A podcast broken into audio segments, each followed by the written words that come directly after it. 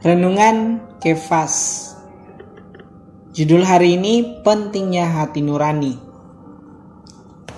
Firman Tuhan dalam 2 Timotius 1 ayat 3a berkata Aku mengucap syukur kepada Allah yang kulayani dengan hati nurani yang murni seperti yang dilakukan nenek moyangku.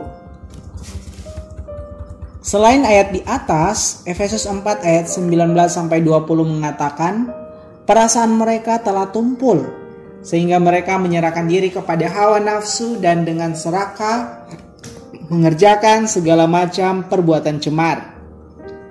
Tetapi bukan dengan demikian kamu belajar mengenal Kristus. Ayat-ayat ini menunjukkan kepada kita pentingnya hati nurani. Setelah kejatuhan manusia, Allah telah menetapkan bahwa manusia harus diperintah oleh hati nuraninya. Dalam keadaan normal, seorang akan memelihara perasaan dalam hati nuraninya. Namun, manusia yang jatuh tidak memperhatikan perasaan hati nurani, juga tidak diatur oleh hati nuraninya, melainkan ia memberikan dirinya kepada keserakahan.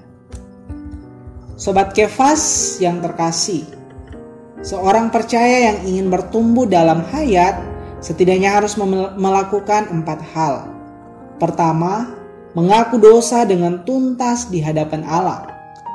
Kedua, dengan teliti menanggulangi dosa-dosanya di hadapan manusia. Ketiga, mempersembahkan dirinya kepada Tuhan dengan mutlak kepada Allah. Dan keempat, ia juga harus menanggulangi hati nuraninya ini adalah sebuah jalan yang perlu ditempuh oleh seorang percaya. Jika kita mau mempraktekkan empat hal ini secara serius, pasti kita akan memiliki kemajuan dalam kehidupan rohani. Terang hari ini, setelah manusia jatuh dalam dosa, apakah yang dipakai Allah untuk memerintah manusia? Hafalkan dan doakanlah empat hal yang harus kita tempuh untuk bertumbuh dalam hayat. Mari saudara-saudari, kita berdoa mempersembahkan diri kita sekali lagi kepada Tuhan agar kita boleh memperbarui cara hidup kita tidak lagi menurut kesukaan kita, pemikiran kita melainkan berdasarkan hati nurani yang di dalam. Puji Tuhan, Tuhan memberkati saudara-saudari.